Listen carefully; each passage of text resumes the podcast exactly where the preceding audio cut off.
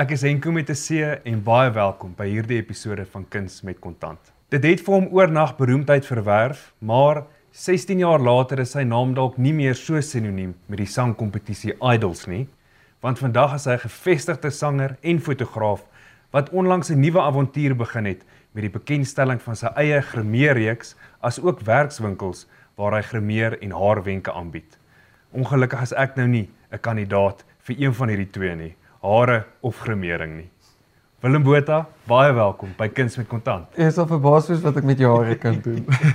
Hoor, dit is regtig verskriklik lekker om saam met jou te kan kuier. So dankie vir die voorreg. Is daar mans wat jy grimeer? Jy sal verbaas wees, soos die meeste fotosessies wat ek doen of eintlik elke liewe fotosessie wat ek doen met 'n met 'n manlike kunstenaar, 'n sportster, 'n rugbyster, Tox van 'n Linde, uh natuurlik moet ons hulle almal grimeer, maar my aanslag met mans is is altyd dat dit baie meer natuurliker moet wees. Ek ek hou daarvan as daar 'n merkie is of 'n 'n musie of enige iets soos dit, dit moet altyd nog steeds natuurlik lyk like mm. vir die mans. Dit maak sin. Mm.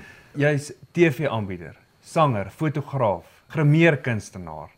Jy was op 'n stadium 'n Suid-Afrikaanse perderyter gewees. Ja, ja, ja. En jy is nog steeds baie lief vir perde. So jy moes eers in jou lewe geleer het om uit jou gemaksone uit te beweeg. En jy het dit dalk ook nou ervaar met die met jou grimeer reeks wat jy uitgebring het. Die manier hoe ek en my broer grootgemaak was as kinders was reg dat my my ouers ons vreesloos grootgemaak het met elke liewe ding wat ons aangepak het het hulle altyd vir ons gesê ons moet ons moet so droom dat dit ons bang maak op die einde van die dag dat dat ons regtig enige iets kan bereik in die lewe as ons net hard werk daarvoor. En om jou idee te gee, as kinders het ons nooit sakgeld gekry nie. My ouers het gesê dat die prysgeld wat ons maak met ons perdrein by die skoue met die uiterritte, ons kan daai geld vir onsself hou. En wat dit gedoen het, dit het ons op die einde van die dag gekondisioneer dat hoe harder ons werk, hoe groter gaan die prysgeld wees en hoe meer geld gaan ons maak. En ek dink van daar af het dit 'n klein saadjie by ons geplant. Die storie is baie interessant van hoe jy op die ou en toe begin het om mense te grimeer.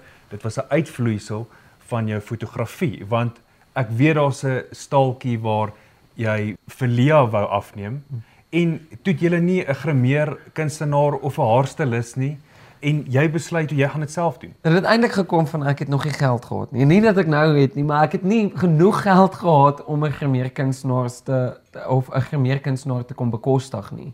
Ek was toe nog glad nie op daai en vriende met haar nie, ek het haar nog nie regtig geken nie en sy het my net die aand voor die tyd 'n boodskap gestuur en gesê Ehm um, sy weet nie wat om te doen nie want sy het nog gesien wat gemeerkunstenaars kos en sy kan nie reg iemand bekostig nie. En ek sê te haar wel, ek word nie eens betaal vir hierdie fotos nie en ek kan dit ook definitief bekostig nie. Wat ek voorstel is, bring jy môre jou gremering en ek sal vanaand op YouTube 'n video gaan kyk en so leer. En ek weet nie wat's erger nie, die feit dat sy my vertrou het of haar oh, make-up sakkie was letterlik 5 produkte gewees. So sy het dit nog vir my moeilik ook gemaak, maar dis waar die waar die liefde daarvoor eintlik begin het maar dit is vir my 'n toonbeeld van vindingrykheid. En ek wil hê jy moet vir my verduidelik hoe 'n plaasseun van Riversdal om vereenselwig met 'n absolute kunswerk soos hierdie. Dit is iets ongelooflik. Hoe versoen 'n mens daai twee wêrelde om so iets reg te kry? As jy as jy nou daai tydskrif ophou met Nadia dan raak mens actually al 'n bietjie emosioneel want elke liewe geleentheid wat ek kry is my so groot mylpaal in my loopbaan en in my lewe. En dan dink ek soos hier's die plaasseun van Riversdal wat wat regtig 'n droom gehad het en en ek kan nie altyd glo dat dit realiseer nie. Weereens is dit daardie geval van en ek en ek het baie waardering daar vir my ouers is dat hulle Ek bedoel my pa het my ingeskryf vir Idols. My pa het my gesê, "Soos luister, jy gaan staan in die ry. Hy glo in my." My ma het my na my vertonings toe gery op skool. My ouers het my in elke liewe droom en visie wat ek gehad het, het hulle my aangemoedig. En ek dink ouers besef nie altyd wat so groot impak dit op kinders se lewe het nie. So dit het my regtig geleer om nooit bang te wees nie, nooit skaam te wees nie, nooit terug te kyk nie en absoluut volstoom aan te rol met elke liewe produk wat ek wat ek uitbring, of dit nou my sang is of dit my TV-aanbieding is of dit my fotografie, my grimering is. Dis lekker om te weet dat wanneer jy terugkeer huis toe, wanneer jy terugkeer Riversdal toe, wanneer ek terug aan plaas toe, het ek daar 'n absolute fundament wat gevestig is plat op aarde. En ons is al so gewoond daaraan dat baie van die bekende vermaaklikheidskunstenaars nie 'n gelukkige kinderlewe gehad het nie. Ja. Maar is jy dalk 'n voorbeeld van iemand wat wel 'n baie gelukkige kinderlewe gehad het? Dis nogals iets wat ek agtergekom het deesdae met onderhoude is ek is so bang dat ons begin daardie illusie by kinders te skep dat as jy nie gelukkig was as 'n kind of as jy swaar gekry het dan beteken dit dat jy eendag gaan suksesvol wees. En ek voel baie keer dieselfde daaroor met Christendom. Ons is so geneig om net die Here te bedank op sosiale media wanneer dit goed gaan met ons. En dit skep voel ek 'n illusie dat al wanneer die Here daar gaan wees vir jou is wanneer dit goed gaan of al wanneer die Here daar was vir jou is wanneer iets goeds gebeur het. Die meeste wat ek al die Here nodig gehad het is wanneer ek in my diepste donker tye was, waar die Here my van die grond af weer opgetel het en gesê het, "Oké, okay, ons gaan hierdie pad saam stap." Ek wil so vir kinders leer dat wanneer jy goeie denke het, gaan goeie dinge ook met jou gebeur. Ek is 'n verskriklike groot manifesteerder van positiewe energie en positiewe woorde en maak die Here deel van jou van jou lewe en die pad wat jy stap en jaans moet mekaar ondersteun op skool. Ek is totaal en al gekant teen teen boelies op skool. Um, want ek dink nie hulle besef wat se impak dit op die res van 'n kind se lewe maak nie. Maar ek ek het verskriklike goeie kinderlewe gehad. Ja, ek was in 'n landbou seunskool gewees en ek het perd gery en ek het gesing en ek was definitief nie elke liewe mense geer van die maand nie en en mense het ek bedoel ek was 'n ek was die tipiese voorbeeld gewees van wanneer iemand op jou moes gepiek het en en dit was glad nie die geval gewees nie. So ek, ek voel net soos die energie wat ons uitsit is die energie wat ons gaan terugkry. Kan 'n kind wat nou op Riversdal sit en dieselfde drome as jy het, dit bereik? Verseker. Verseker nie nie net Riversdal nie, want kyk, elke liewe geleentheid, my vriende spot my al om vir my te sê, "Hoe weet jy Willem kom van Riversdal af en was van 'n plaas?" Is ek sê dit letterlik elke liewe onderhoud en geleentheid wat ek kry, want ek is so trots om om 'n Riversdaler te wees en om van so klein dorpie af te kom. Die werkswinkels wat jy nou hou, is so suksesvol.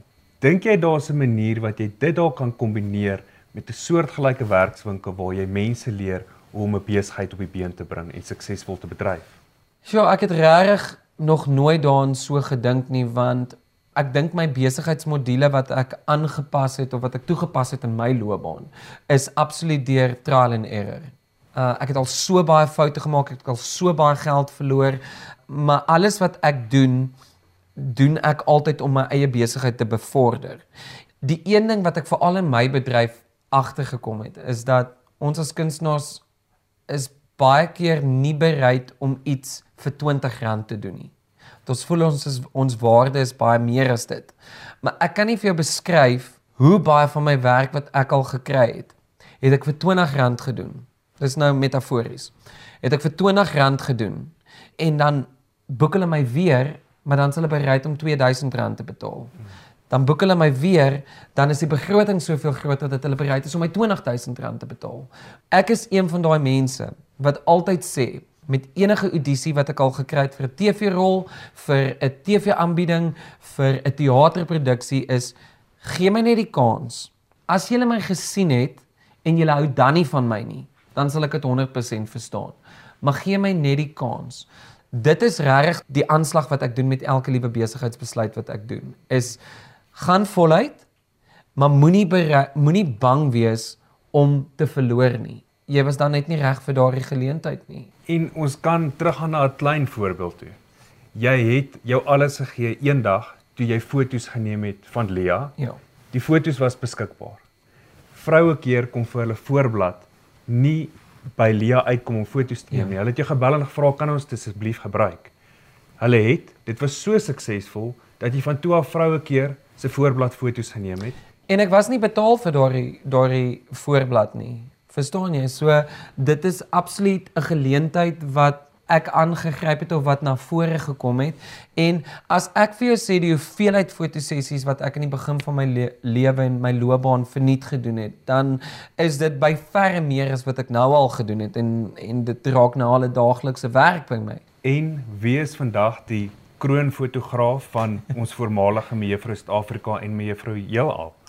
Yours truly. Ja, daai was mal geweest. Ek dink die die dag toe ek Demi Linel Peters afneem, uh, was dit letterlik 'n geval geweest van ek onthou ek die eerste foto geneem het en ek kyk hoe dit op my op my rekenaar ag op my kamera skerm opflits. Toe dink ek soos waar in jou lewe het jy gedink dat 'n ouetjie wat in 'n landbou seunskool was die wêreld se mooiste vrouens gaan kan afneem en waar het jy gedink dat selfs die alledaagse vrouens wat ek afneem soveel keer doen ek hulle grimering en dan dan kyk hulle in die spieël en dan begin hulle te huil want dan dan voel hulle dat hulle lyk soos daardie voorbladsterre wat ons elke dag op die tydskrifte of op die albumcovers of op TV sien ek lag baie keer want dan dink ek soos hier's 'n ouetjie wat in 'n landbouseun skool was van die plaas, maar vrouens kom na hom toe om te sien hoe hy moet make-up doen. Dis absoluut belaglik. Hoe voel jy daaroor as ek vir jou sê dat geld en familie of geld en vriende meng nie? Want ek weet onder andere dat jy het ook vriende wat vennote van jou is in Willem Botha Beauty. Een van die goedes waarna ek al die seerste gekry het in my lewe is die feit dat ek nie noodwendig altyd mense kan vertrou nie. Ek weet nie altyd wat's mense se bybedoelings om met my vriende te wees nie. Ek weet nie wat is mense se bybedoelings altyd in my loopbaan nie. Uh, gebruik hulle my net of is ek net 'n masjien om meer geld te maak? Ek hou weer daarvan om alles in my binnekring te hou. Ek hou daarvan om saam met my bestuurspan te werk. Ek hou daarvan om my pa as adviseur te kry van my finansies want dis die persoon wat ek die meeste vertrou in my lewe. Ek hou altyd daarvan om met raad na my ouers toe te gaan met my ma en my pa want hulle het so verskillende uitkyk op my op op die lewe. En presies dieselfde nou met Willem Botha Beauty.